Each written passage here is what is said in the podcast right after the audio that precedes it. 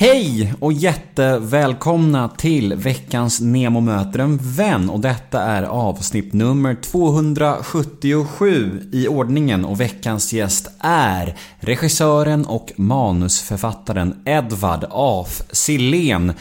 Och min klippare sa faktiskt att det här var ett av de härligaste samtalen på länge. Att jag liksom kom åt det här som jag så ofta söker. Den här kompisstämningen som jag vill åt. För det är så jävla härligt att klicka med mina gäster och eh, ja... Min klippare sa att det var precis så här och det är inte svårt att klicka med Edvard af Sillén. Han är jävligt älskvärd och mysig och eh, jag tycker ni borde följa honom på Instagram och Twitter för han är väldigt rolig, väldigt rapp och eh, en likeable människa, helt klart. Veckans avsnitt är ett podmi exklusivt avsnitt vilket betyder att det ni kommer att få höra här hos mig nu är en liten teaser av mitt samtal med Edvard. Ett smakprov om man så vill.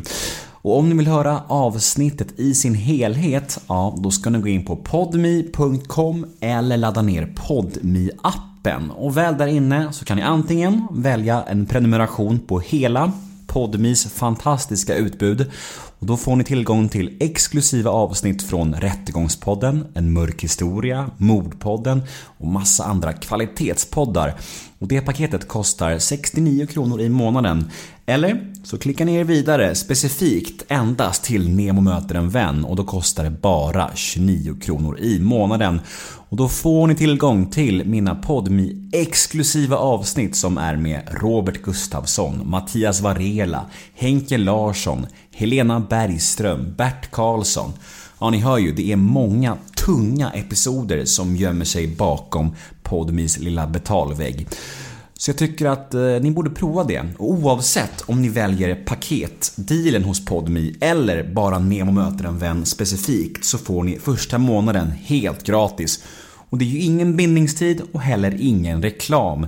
Så jag tycker alla borde prova i alla fall gratismånaden, för gratis är ju som bekant jäkligt gott.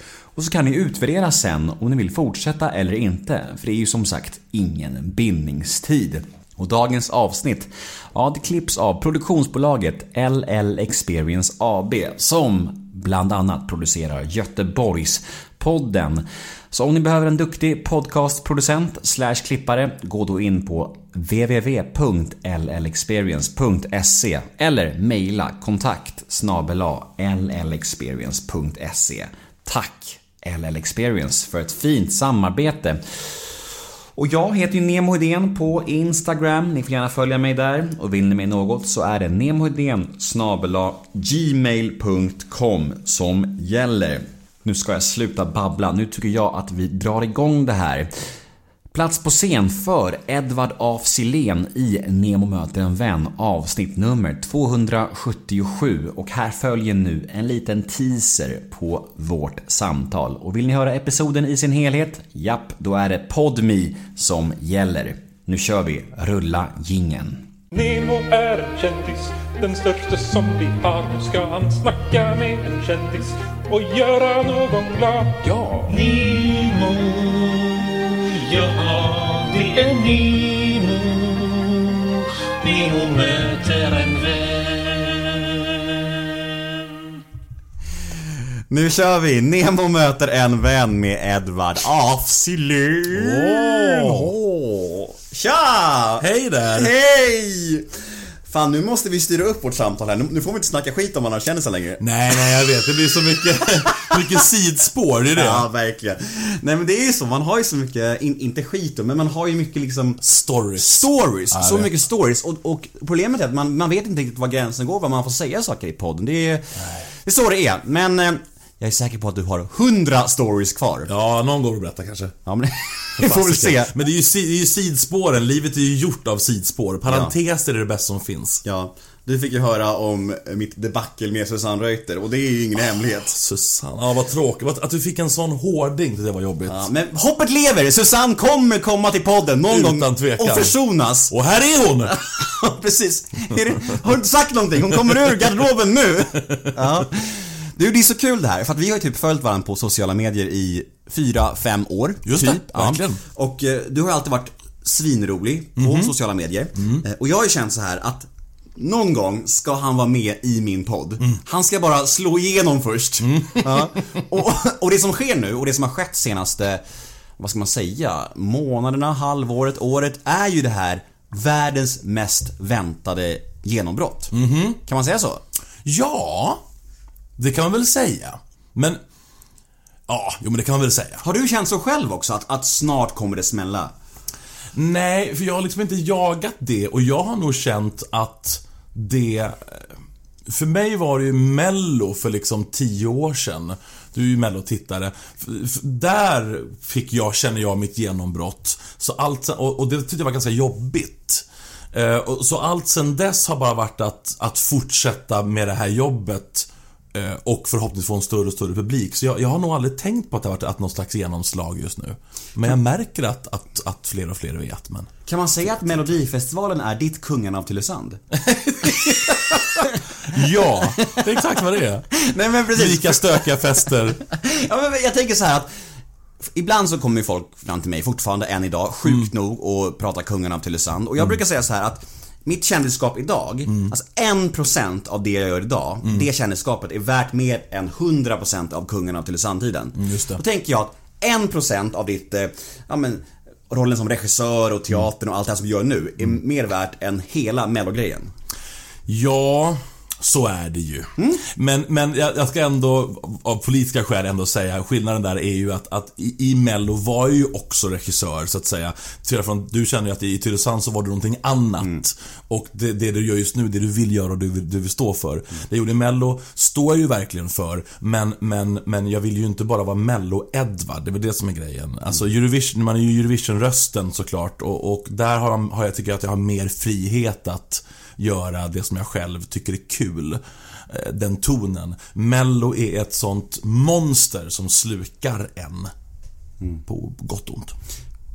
Fast nu följer min tes lite där. Fan vad är synd. Ja. Hårt. Ja, det är hårt. Så är det ibland.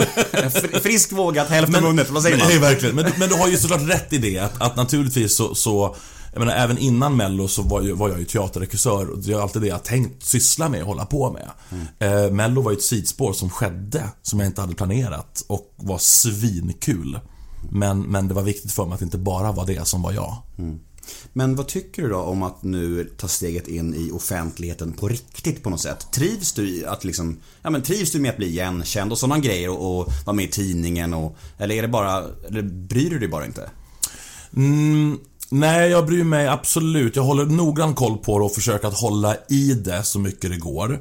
Um, därför att jag har ju mått väldigt bra av att vara bakom kulisserna figur. Alltså jag blev regissör och manusförfattare därför att jag hade scenskräck. Så jag började stå på scen. Men mådde så dåligt av att jag slutade stå på scen. Så att jag vill inte komma tillbaka till en punkt jag nu ska liksom vara i, i, i, i frontljuset, för det mår jag ju inte bra av. Jag tycker det är jobbigt. Att bli, att bli igenkänd för mycket och att, att, att bli bedömd hela tiden för saker. Jag tycker om att stå bakom saker. Så att nej, där håller jag noggrann koll på att det inte blir för mycket. Var det bara scenskräcken som gjorde att du föredrog att stå bakom scenen? Eller var det flera aspekter? Nej, det var nog... Jag tror att allting hände av en anledning. Jag tror att jag skulle dit egentligen, bakom scenen. Men det är så jävla svårt att vara liksom 12 och tänka att jag ska bli regissör. Utan man tänker att jag ska stå på scen. Det är den tydliga vägen dit. Så jag trodde, jag trodde nog alltid att det var det det var. Ehm, men jag tror inte att jag ska vara där. Jag, jag, jag är bättre på att eh, planera, skriva, tänka och få andra att, att peppa andra att göra saker. Jag går ju igång på den delen av det. Men att regissera är ju, ja, 75% psykologi. Eh, att få skådespelare mer eller mindre känsliga, mer eller mindre ehm, envisa eller medgörliga, vad det än kan vara för någonting. Känsliga förstås, att få dem att göra det som du vill de ska göra. ehm, men få fram det absolut bästa i dem. Det, det handlar ju om psykologi. Fast när man träffar dig nu eh, och när man följer dig på sociala medier så kan man ju faktiskt lätt tänka sig att du är en sån som trivs med att vara i strålkastarljuset. Ja. Ja, jag förstår det. ja, nej, det, det, det, det, det gör jag ju inte. Nej. Men med sociala medier, det, jag lägger ut roliga saker. Jag, jag, jag, jag dör ju för att underhålla. Det är det bästa jag vet. Så att det är ju und- Men jag lägger inte ut klipp där jag själv gör roliga saker eller säger så mycket roliga saker eller filmar mig själv när jag går igenom någonting. Utan jag filmar, jag är mer ett åskådaröga så filmar jag av saker tycker jag. Eller lägger ut bilder. Eller kommenterar samtidigt. Jag tycker um, att det är, det tycker jag är roligt. Mm. Men- Underhålla är det bästa jag vet. Mm. Så varje show som du regisserar så har du som krav att få gå ut på, på scenen sen efter och få applåder också? nej, nej, nej, verkligen inte. Tvärtom så uh, vägrar jag det ibland. Alltså, alltså. Absolut. Men det, det måste vara på rätt sätt det där. Vi som är bakom scen får inte bli större än de som gör jobbet. Alltså det är ju, tycker jag är det viktiga. Det går ut över en själv då. Om, ditt e, om din egen ton är högre än verkets ton så är det någonting som är fel. Däremot så är jag väldigt lycklig. Alltså jag kan tycka bland det finaste komplimang man kan få är när folk säger att att jag kände, jag, kände igen att det där var du, eller jag kände igen din ton i det där. Eller jag såg en gras och tänkte att det där måste han ha gjort. Det blir jag jätteglad, för då betyder det att man har en ton som folk kan känna igen. En slags DNA. Något lite DNA. Men eh, nej, att stå på scen är panik. Vad är då det roligaste med hela den här världen som du är en del av? Den här showbiz. Och vad, och vad är det tråkigaste och jobbigaste? Ehm, mm, jag börjar med det tråkiga. Det tråkigaste tycker jag är eh, det är att de elaka att man är i publikens på något sätt öga, att man är i, något, i skottlinjen för tomater kan jag tycka är, är konstigt ibland. Inte minst när det bara handlar om underhållning. Um, så, så Twitter är ju en plats jag är väldigt kluven till och hänger mindre och mindre på. Och det har varit ända sen, sen Mello och Eurovision att, att det, det är så konstigt att folk reagerar så hårt på så små saker. Ehm, det är bara underhållning, det är bara TV, det är bara teater. Så det kan jag störa mig på, de här elakheterna. Men när jag tänker elaka saker om andra människor, när jag är med om, när jag ser någonting som jag tycker är illa gjort till exempel. Då är ju inte min drift att vem gjorde det? Okej, Kalle. Då ska jag hitta Kalle på Twitter och skriva till Kalle att det där var ju, det där, det där sög röv. Det, den, den driften finns inte i mitt DNA. Och det förstår jag inte att folk gör. Jag förstår inte den. Jag förstår inte driften. Att skriva till den personen så elakt du kan. Det är jättekonstigt. Om du tycker någonting var dåligt, ja men välj bort det gör någonting annat istället då. Ehm, samtidigt som jag också ju välkomnar att folk tycker roligt. Jag har alltid gjort. Herregud, när jag klev in i Mello 2009 med Petra Mede Jesus, vår hela ambition var ju nu fan, rör vi om med det här. Och vi gick in med en ganska hård ton. Vi, vi blev ju hatade och älskade och vi älskade det för vi ville ju ha det så. För annars är det ett glas vatten som alla tycker är okej. Men vem väljer ett glas vatten? Jag vill ju ha en tydlig smak. Jag bara fattar inte att folk ska framföra elakheterna direkt till en, det har jag aldrig riktigt förstått. Mm. Men det är också en trendgrej. Herregud, när jag var ung och såg 24 karat. Om Troy tycker det var tråkig, inte fan skrev jag in till SD, Harald, du vet. Alltså det är det är en annan tid. Vi kommenterade liksom inte manus på det sättet när vi- när vi var unga. Utan det är nu man gör det och, och tycker om de ska tycka. Skitsamma, Sikt, sidspår. Så det kan jag bli ledsen av. Ehm, det bästa med det är att jag hela mitt liv drömt om en enda sak. Och det har alltid varit att ehm, hålla på med showbiz. Det är det enda jag velat göra. Ehm, att, att, att vara med i branschen där man underhåller en stor publik. Det är det enda som jag vill, kan göra. Då måste det vara en helt magisk eh, punkt den dagen där du känner att du kan försörja dig på det här. Ja, det var, det, det, det var helt otroligt. Helt otroligt. Och det, och det är fortfarande till dags dato kan, jag- kan jag mig. Ibland säger jag att Vet du vad? Om det här tar slut så är det helt okej för jag har fått göra det. Jag har fått hålla på med det här. Eh, Så att det, det är vad det handlar om. Jag, jag tycker det är det vackraste som finns att höra en publik skratta eller tycka om någonting som man har varit med och skapat. Det är det jag går igång på. Och det är ju inte att Ja, det är ju inte på liv och död. Men ibland kan det vara på liv och död. Om någon annan som håller på med någonting som handlar om liv och död har haft en jobbig dag och kommer hem och mår bra av det man har gjort, ja då har ju hjälpt till på något sätt. Mm, exakt. Fan vad jag känner igen just det där resonemanget och det är så jävla bra tycker jag. Det där när man känner att man håller på bara med så här ytlig underhållning. Ja men det är just den ytliga underhållningen som folk som kanske räddar liv behöver för att klara och rädda liv. Precis så tänker jag med. Ja, så tänker jag med. alltså. Det är viktigt det där. Och inte minst i den tid vi lever i just nu. Klichévarning. Men ändå, det är ju så. Den tid vi lever i just nu, omgivningen av mörker och skit. Alltså folk längtar bort.